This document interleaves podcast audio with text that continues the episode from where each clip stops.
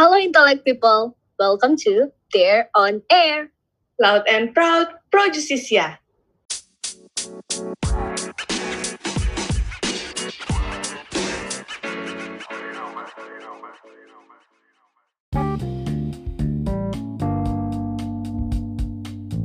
Intellect People, welcome to podcast Dare on Air. Kenalin, aku Yura Maharani yang akan menemani kalian pada episode kali ini. Pada episode ini, aku akan bawa diskusi mengenai implementasi kuota kerja bagi penyandang disabilitas pada sektor perusahaan swasta di Indonesia. Nah, sebelum kita mulai diskusi topik yang sangat-sangat menarik ini Aku mau panggil dulu nih yang akan nemanin aku untuk diskusi kali ini. Halo Fania Halo Kak Yura. Nah, ini orangnya. Coba Van, kamu kenalin diri dulu. Oke, halo Intellect People. Kenalin nama aku Fania. Aku dari angkatan 2021. Oke, Van. Kamu uh, untuk sekarang kesibukannya apa aja, Van? Hmm, untuk sekarang aku lagi menjabat sebagai sekretaris di DER sama sekretaris di kepanitiaan DMRLW.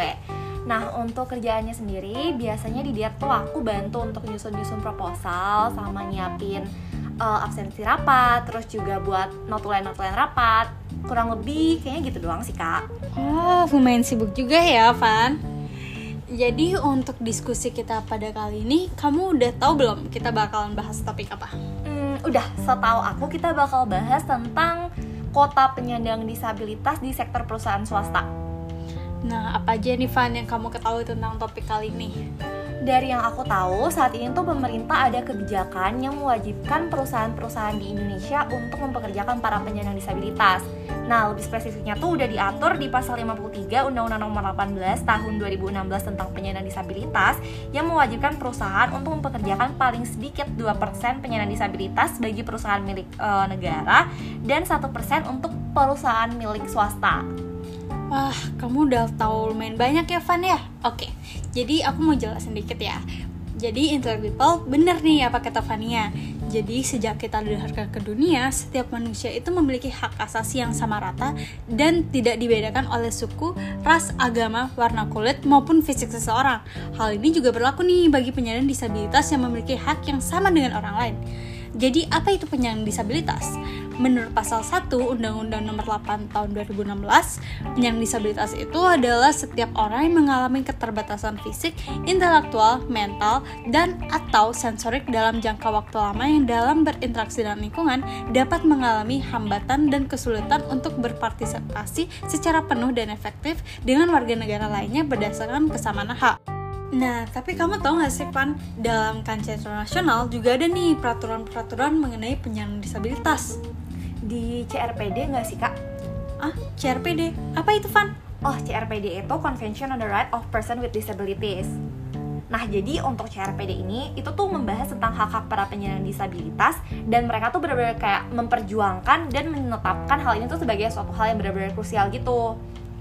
Nah, mungkin aku tambahin dikit ya kak. Jadi untuk CRPD sendiri itu merupakan instrumen HAM internasional dan nasional yang ditujukan untuk menghormati dan menjamin kesamaan hak dan kebebasan yang mendasar bagi semua penyandang disabilitas sebagai suatu bagian yang tidak terpisahkan atau inherent dignity.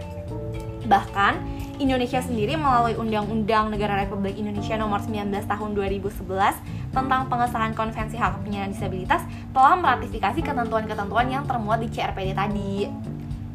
Terus uh, kita kan sebagai negara PBB nih kak, kita tuh juga udah uh, apa ya melakukan penyesuaian dengan ketentuan-ketentuan dari uh, PBB melalui Undang-Undang Nomor 13 Tahun 2003 tentang Undang-Undang Ketenagakerjaan di mana Indonesia tuh memberikan semacam peraturan untuk memberikan pekerjaan bagi para penyandang disabilitas. Oh gitu. Wah, ada lagi nggak sih Van peraturan-peraturannya? Mungkin itu aja sih kak yang aku tahu. Tapi walaupun segitu aja, kayaknya itu udah banyak ya Van dari nasional, internasional itu termasuk banyak peraturan mengenai penyandang disabilitas ini. Tapi ya Van, kalau kita lihat realitas sekarang, kayaknya implementasinya masih agak kurang ya. Soalnya dari yang aku tahu nih, banyak banget perusahaan swasta yang mempekerjakan lebih dari 100 pekerja namun tidak memiliki satu orang pun pekerja disabilitas. Ini tuh alasannya karena memang sengaja nggak mau mempekerjakan penyandang disabilitas. Nih ada contoh nyatanya. Jadi uh, pada salah satu perusahaan swasta yang berlokasi di Depok, terdapat seorang penyandang disabilitas berinisial MF. Dan ternyata itu dia udah ditolak oleh perusahaan swasta tersebut. Bahkan sebelum dia itu diberikan tes wawancara. Bahkan perusahaan-perusahaan swasta di Indonesia itu juga kerap sekali nih memberikan persyaratan yang sangat-sangat tinggi bagi para penyandang disabilitas. Seperti dengan mempersyaratkan adanya standar pendidikan minimal SMA dan lain sebagainya iya sih kak, aku juga lumayan relate sih sama yang apa yang kak Yura bilang. Iya nih, padahal sebenarnya menurut kamu nih Van, mempekerjakan disabilitas itu penting gak sih? penting banget sih kak menurut aku apalagi ya dari yang aku tahu berdasarkan data terbaru dari Badan Pusat Statistik itu tuh terdapat sekitar 17 juta penyandang disabilitas yang telah masuk usia produktif tapi di realitasnya hanya 7,8 juta orang aja yang memperoleh pekerjaan Padahal apabila kita kaji dengan lebih dalam lagi, para penyandang disabilitas di Indonesia tuh justru cenderung, eh, cenderung memiliki tingkat kesejahteraan yang jauh lebih rendah dibandingkan dengan orang-orang pada umumnya gitu loh kak. Hal ini tuh bisa kita lihat dari angka kemiskinan warga penyandang disabilitas yang masih di bawah garis kemiskinan yaitu sekitar 14,97 persen. Bahkan besar kemungkinan tingkat kemiskinan penyandang disabilitas yang sebenarnya tuh jauh lebih rendah karena masih kurangnya standar-standar yang dimasukkan dalam indikator itu sendiri. Hmm, bener nih Van, padahal ya dengan mereka mempekerjakan penyandang disabilitas itu juga eh, ada keuntungan loh bagi perusahaannya tersendiri dengan mempekerjakan penyandang disabilitas pada dasarnya juga akan memberikan implikasi yang baik nih bagi perusahaan-perusahaan swasta di Indonesia implikasi ini maksudnya kalau dengan mempekerjakan penyandang disabilitas berarti perusahaan tersebut secara nggak langsung telah menunjukkan kapabilitas mereka dalam mengelola tenaga kerja yang beragam dan juga menjadi salah satu indikator utama dalam penentuan efisiensi, produktivitas, dan keberhasilan perusahaan dalam merekrut karyawan. Apalagi ya, dengan mempekerjakan penyandang disabilitas, perusahaan juga diuntungkan dengan memperoleh suatu produktivitas serta tingkat kehadiran yang lebih baik karena para penyandang disabilitas cenderung lebih loyal pada perusahaan yang merekrutnya dan mempekerjakan penyandang disabilitas juga eh, dapat meningkatkan citra perusahaan mereka. Nah, Van, menurut kamu nih, saran apa yang bisa diterapin ya supaya implementasi kuota kerja ini bisa berjalan nih sesuai standar yang udah ditetapin? Kalau menurut aku sarannya itu bisa dilihat dari dua sisi gitu sih kak, dari secara preventif dan secara represif. Apa aja itu? Nah, kalau secara preventif, kita tahu juga dong kalau misalnya kebanyakan perusahaan swasta itu gak mau mempekerjakan penyandang disabilitas karena mereka tuh terkesan meng-underestimate kemampuan dan kapabilitas dari para penyandang disabilitas ini. Jadi mungkin alangkah lebih baiknya kalau misalnya pemerintah tuh bisa memberikan semacam pelatihan kerja untuk para penyandang disabilitas. Nah, sebenarnya juga pemerintah sendiri tuh melalui Kementerian Perindustrian dan Kementerian Sosial sudah menandatangani nota kesepahaman untuk melahirkan sebuah program kerja mengenai pelatihan, sertifikasi, dan penempatan kerja bagi penyandang disabilitas yang bernama Diktat 3 in 1. Jadi kita tuh sebenarnya tinggal nunggu implementasi dan realisasi dari program kerja ini.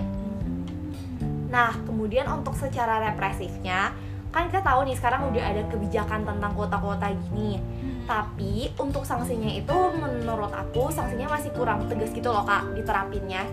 Jadi eh, pemerintah mungkin bisa lebih tegasin sanksi-sanksinya ini dan mungkin selain sanksinya juga pemerintah juga harus kasih semacam penghargaan untuk perusahaan-perusahaan swasta yang udah menerapkan kuota kerja bagi para penyandang disabilitas. Nah, penghargaan-penghargaannya sendiri itu sebenarnya udah pernah diterapin juga sama pemerintah, tapi emang masih minim banget. Soalnya hanya diterapin ke 9 perusahaan swasta doang. Gitu sih, Kak. Hmm, oke oke oke. Ada nggak sih kayak perbandingan kalau di negara-negara lain itu penyandang disabilitasnya gimana ya, Pak? Eh, aku nggak tahu terlalu banyak dari negara-negara lain, tapi aku cuma tahu dari negara Selandia Baru. Nah, setahu aku tuh di Selandia Baru mereka tuh udah ngebentuk semacam lembaga yang namanya Office of Disability Issues. Jadi lembaga ini tuh benar-benar kayak mengawasi setiap pekerjaan dari para penyandang disabilitas, terus juga kasih rekomendasi-rekomendasi ke perusahaannya. Jadi perusahaannya tuh juga yang nggak lost gitu loh sama uh, informasi tentang para penyandang disabilitas ini. Jadi mungkin ini bisa jadi salah satu referensi untuk negara Indonesia dalam membentuk suatu lembaga gitu loh ke depannya. I see. Berarti Indonesia bisa kayak bentuk-bentuk lembaga gitu yang ngikutin Selandia Baru ya kan?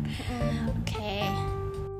Wah sebenarnya aku pengen banget nih bahas lebih lanjut sama kamu Van. Tapi sayangnya waktu kita udah mau habis nih. Ya, sedih banget kak. Ya sedih kan, tapi nggak apa-apa. Kita harap uh, podcast episode kali ini diskusi kita bermanfaat bagi kalian Seperti itu bermanfaat bagi kita juga. Ya kan Van? Benar. Oke, dan juga kalau kalian ingin mengirim topik yang ingin kalian bahas di episode selanjutnya Kalian bisa kirim di email Di bit and research team at gmail.com atau di IG There underscore UPH Betul. Oke, stay loud and proud. Pro Justicia Bye-bye. Bye